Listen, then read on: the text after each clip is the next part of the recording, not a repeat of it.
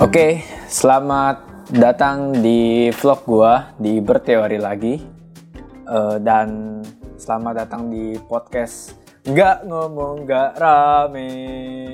Oke, kali ini gua bikin konten untuk dua platform ya, YouTube dan podcast. Hari ini, eh, kali ini pada kesempatan kali ini gue pengen ngomongin tentang bidang gua yaitu machine learning, uh, big data dan data science. Uh, tapi gue lebih ngomongin ke machine learningnya. Apa yang mau gue ngomongin adalah uh, buat lo yang pengen belajar machine learning, tapi nggak tahu mulainya dari mana. Seperti yang lo tahu, gue suka bikin konten uh, kalau kita mau ini mulainya dari mana sih? Kalau kita mau ini mulainya dari mana sih? Kenapa gue suka bikin konten kayak gitu? Karena orang tuh susah dimulainya doang, susah dimulainya. Dia bingung mulai dari mana, dia nggak tahu mulai dari mana.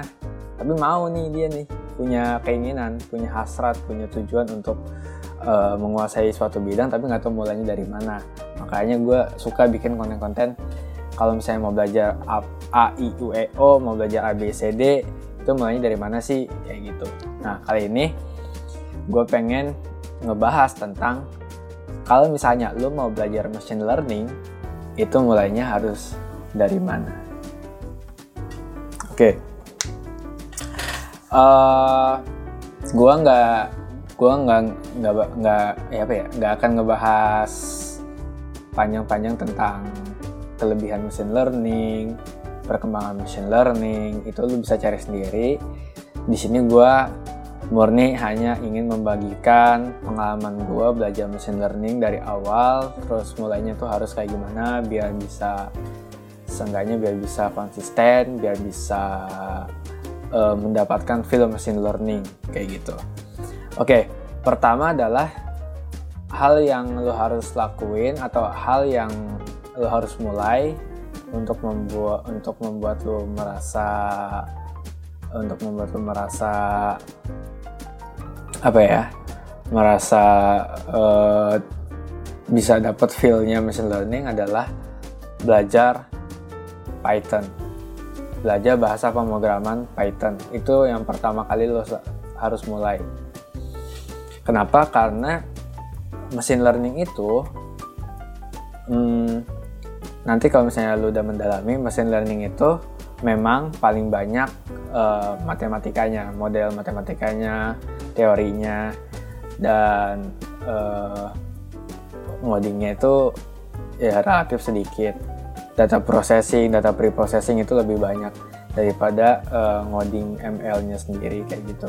Nah jadi karena ngoding ML-nya sedikit, sementara lu harus bisa ngoding dari mulai data pre-processing sampai hasil sampai jadi hasilnya keluar akurasinya itu semua ngoding uh, makanya hal pertama yang bisa lo lakuin adalah mulai belajar coding khususnya bahasa pemrograman Python. Nah untuk tempat belajarnya uh, gua rasa emang udah banyak ya. Cuma kalau yang gue pakai adalah yang dari Udemy dan itu berbayar tapi jujur gue jujur gue jujur ini sangat worth it. Itu worth banget. Gue belajar dari situ bah gue ngerti banget. Gue ngerti banget Python gue dapet basicnya dapet fundamentalnya dan akhirnya gue bisa ngembangin ke mana-mana. Pas gue ngerjain data preprocessing gue bisa uh, lebih kreatif karena gue paham dasarnya. Tinggal gue bikin aja itunya fondasi-fondasinya eh tinggal gue bikin apa inovasi-inovasinya tentang coding kayak gitu. Terus ketika bikin model ML juga gue tahu misalnya gue belum bisa bikin modelnya nih terus gue ngambil model dari orang. Hmm, gue bisa tahu bagaimana logika dari si uh, algoritma dari si codingan si orang itu. Nah jadi uh, itu penting banget belajar coding dan uh, referensi gue gue pakai Udemy pak pakai yang judulnya Bootcamp Python 3 kalau nggak salah nanti gue kasih linknya di deskripsi uh, itu penting tapi itu bayar. Nah, kalau di Udemy itu enaknya kalau untuk Indonesia ya gue nggak tahu kalau untuk yang lain itu dia sering ngasih diskon tuh mulai dari 100 uh, 168.000 sampai sekitar 280.000. Nah itu lu tergantung hoki-hokian tuh kalau misalnya lu dapet yang 280.000 ya setelah lu bisa beli sekarang saat itu juga atau beli ketika nanti udah 158.000. Nah, satu lagi kenapa gue nganjurin lu mulai belajar coding dulu? Karena ML itu uh, kalau langsung belajar teorinya gue nggak yakin lu bakal konsisten nanti belajarnya. Karena udah susah duluan udah enak duluan udah muak duluan akhirnya lu nggak nggak lanjut untuk belajar ML nah makanya maka dari itu gue nganjurin lu untuk belajar codingnya dulu. Karena kalau belajar codingnya uh, lu dapat feel sebagai pro gamer sebagai lu bisa apa ya sebagai orang yang bisa ngoding sesuatu walaupun nanti mungkin banyak codingan yang lu ambil dari orang ambil dari orang. Nah uh, tujuannya juga untuk membangkitkan feel pro gaming dulu karena nanti ML lebih banyak ke pro gaming kayak gitu. Lebih banyak ke pro gaming uh, dan ya itu biar lu nggak ini aja nggak kaget aja ternyata ML susah banget ya gila gila gila susah banget. Terus akhirnya lu mundur kayak gitu. Jangan. Makanya hal pertama yang lu harus mulai adalah coding nah setelah lu paham fondasi ngoding dan ini juga penting nanti waktu uh, apa ke depannya itu penting banget. Kenapa? Karena nanti dalam belajar ML-nya kita banyak mengambil source code yang udah ada di internet dan kalau lu nggak paham codingnya lu bisa-bisa nggak paham uh, algoritma atau nggak paham logika dari si kode yang eh, dari si kode yang lu ambil. Nah setelah belajar coding ke, tahap kedua adalah uh, belajar tools ML-nya nah yang gue yang gue pelajari adalah TensorFlow. Uh, banyak ya tools-tools ML tuh maksudnya tools tuh kayak library kayak gitu yang menunjang kegiatan machine learning kayak gitu. Banyak ada PyTorch ada uh, eh, NLTK NLTK ya kalau nggak salah itu dari Microsoft. Terus TensorFlow salah satunya Keras uh, dan masih banyak lah gua nggak nggak hafal. Nah yang gua pelajari adalah TensorFlow. Lagi-lagi setelah lu belajar ngoding lo nanti belajar bagaimana menerapkan uh, apa fondasi Python ini, fondasi coding Python ini ke dalam uh, penerapan dengan toolsnya TensorFlow dalam hal ini ya TensorFlow. Nah tempat untuk belajarnya masih sama, gue pakai Udemy. Uh, kalau nggak salah uh, judulnya apa ya? Pokoknya TensorFlow, TensorFlow apa gitu. Complete TensorFlow apa gitu, gue nggak tahu, gue lupa nanti gue share aja di deskripsi dan itu bayar juga tapi worth it. Gue jamin tuh worth it. Uh, at least buat gue lah ya. Gue gua gua nggak tahu kalau buat lu worth it apa enggak tapi ya uh, buat gue tuh sangat sangat impactful. Um, course-nya bahasa Inggris ya. Tadi yang dua yang sebelumnya juga bahasa Inggris yang ini bahasa Inggris. Uh, gue belum nemu uh, course online yang bahasa Indonesia uh, yang yang free atau bayar gue belum nemu. Tapi menurut gue ya kalau misalnya nggak ada ya lo harus mau nggak mau lo harus belajar bahasa Inggris atau lo harus ya udah harus ngerti bahasa Inggris untuk, bisa memahami. Tapi gue rasa eh, penjelasannya juga termasuk sederhana sih termasuk pakai bahasa-bahasa atau vocabulary yang sederhana. Jadi nggak nggak terlalu ribet untuk memahaminya. Nah setelah lu belajar tadi ya programming dulu Python kemudian lu belajar pakai toolsnya itu TensorFlow. Nah baru kali ini lu belajar pakai eh lu belajar teorinya. Nah ini baru masuk ke tahap yang ketiga yang lumayan uh, ribet.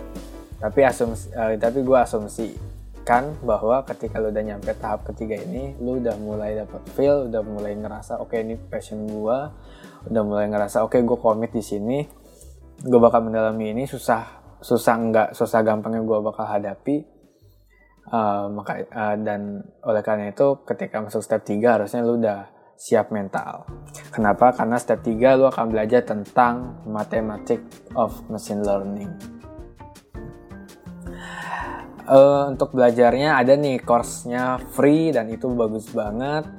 Dari Coursera pengajarnya Andrew Eng gue gak tau bacanya Andrew NG tulisannya Andrew Eng itu kalau uh, lu tanya teman-teman lu yang udah berkecimpung di dunia machine learning pasti tahu tuh orang. Itu orang gila legend.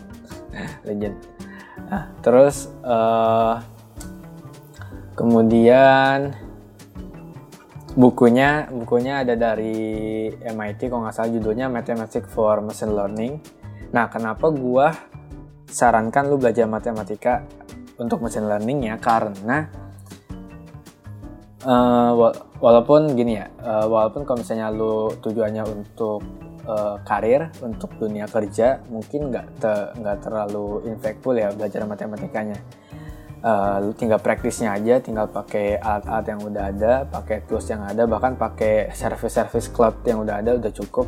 Cuma menurut gua kalau misalnya lu mau emang udah passion di machine learning dan lu mau mendalami bahkan bisa membuat karya dari machine learning gua saranin lu belajar matematikanya. Kenapa? Karena itu background dari semua yang lu jalanin di uh, kodenya matematikanya penting karena ya matematikanya penting banget karena uh, lu bisa tahu tadi gue bilang bisa tahu latar belakangnya uh, di backgroundnya bekerja seperti apa dan ketika lu nemu bugs ketika lu nemu error atau ketika model lu tidak menghasilkan akurasi yang bagus sesuai atau sesuai keinginan lu bisa nge-track dari matematikanya. Lu bisa nge-track ulang kode lu itu uh, kemudian disambungkan dengan teori matematikanya. Itu itu membantu banget. Biasanya uh, dan juga lo bisa tahu mana library yang harus dipakai mana uh, fungsi yang harus dipakai uh, uh, apa ya dan parameter yang harus dipakai kayak gitu. Uh, optimizer. Kalau di mesin learning ada istilahnya optimizer. Optimizer yang harus dipakai gimana?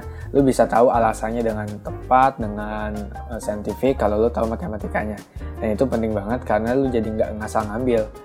Bisa aja model lu ternyata bagusnya pakai RMS prop.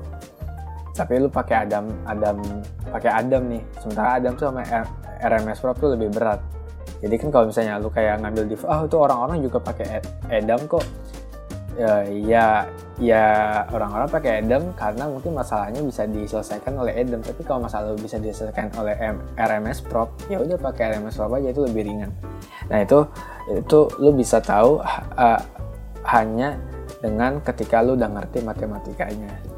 Nah jadi uh, saran gue untuk lu yang baru mulai belajar machine learning saran gue ya lu belajar dari tadi.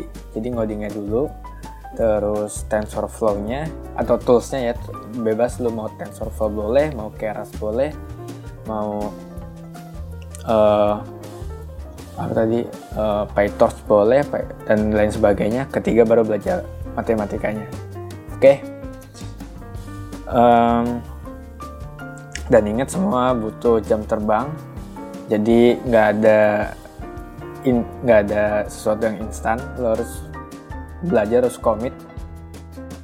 Dan pasti untuk setiap hal baru yang kita pelajari awalnya bakal seneng grafiknya bakal tinggi. Tapi ketika udah menjalani udah berlari udah sekian waktu udah mungkin udah berbulan-bulan uh, lu mulai bosen mulai susah kayak gitu ya itu adalah tantangannya belajar hal baru machine learning apalagi? Sesuatu yang abstrak. Sesuatu yang full matematik. Kalau lu nggak kuat matematik mungkin agak agak kesusahan ya uh, ja, apa melaluinya menjalaninya. Uh, tapi gue yakin bisa. Pokoknya tidak ada yang tidak bisa dipelajari. Nanti itu deh gue jelasin uh, beberapa filosofi atau beberapa disiplin belajar yang orang pernah lakuin dan dan itu merupakan konsep yang menarik buat gue buat gue sini menarik dan bisa lu terapin di uh, ketika lu belajar machine learning Oke paling uh, itu kali ya yang bisa gue sampaikan. Jadi jangan lupa ngoding dulu, terus terapin di toolsnya, baru belajar matematikanya. Jangan matematika dulu karena matematikanya susah nih. lu bakal lu bakal oh ya bakal bosen dah kalau misalnya belajar matematika dulu. Apalagi nggak ada mentornya, baru udah kelar udah.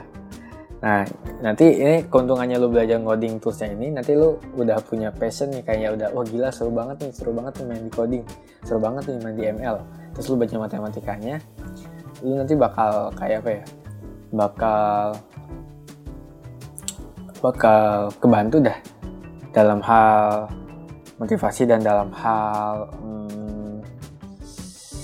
memecahkan masalah. Biasanya matematikanya tuh nanti banyak orang yang yang uh, punya masalah yang sama kayak lo dan udah ada solusinya.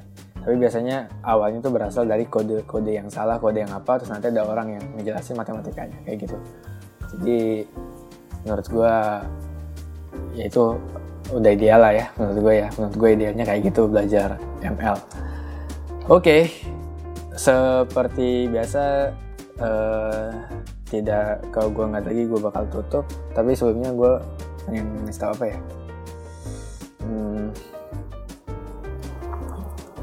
oh iya data uh, per hari ini ya hari ini tuh hari Selasa tanggal 26 Mei ada berita bahwa data center Google itu bakal dipasang di uh, Jakarta atau bakal dipasang di Indonesia. Jadi buat lo, buat kita warga Indonesia yang belajar data science, ML, big data, dan sejenisnya berbanggalah karena data center Google udah ada di Indonesia dan itu bakal jadi suatu uh, suatu pemicu untuk ekosistem AI, machine learning, big data, data science di Indonesia semakin berkembang. Percaya sama gue mungkin beberapa tahun ke depan udah sangat berkembang ini di Indonesia uh, dan gue juga ingin berkontribusi untuk meningkatkan sumber daya uh, manusianya di bidang AI, di bidang ML uh, eh, dengan ya bikin konten-konten kayak gini dan ya berbagi apa yang udah gue alami, apa yang udah gue pelajari kepada kalian semua. Kayak gitu. Oke, okay. cukup uh, biar nggak lama-lama, gue akhiri uh, podcast ini dan YouTube ini. Semoga ada manfaat yang bisa lo ambil. Uh, jangan lupa, jangan lupa apa ya? Gue yang gue yang lupa malah. Ya udah, dadah selamat malam dan goodbye.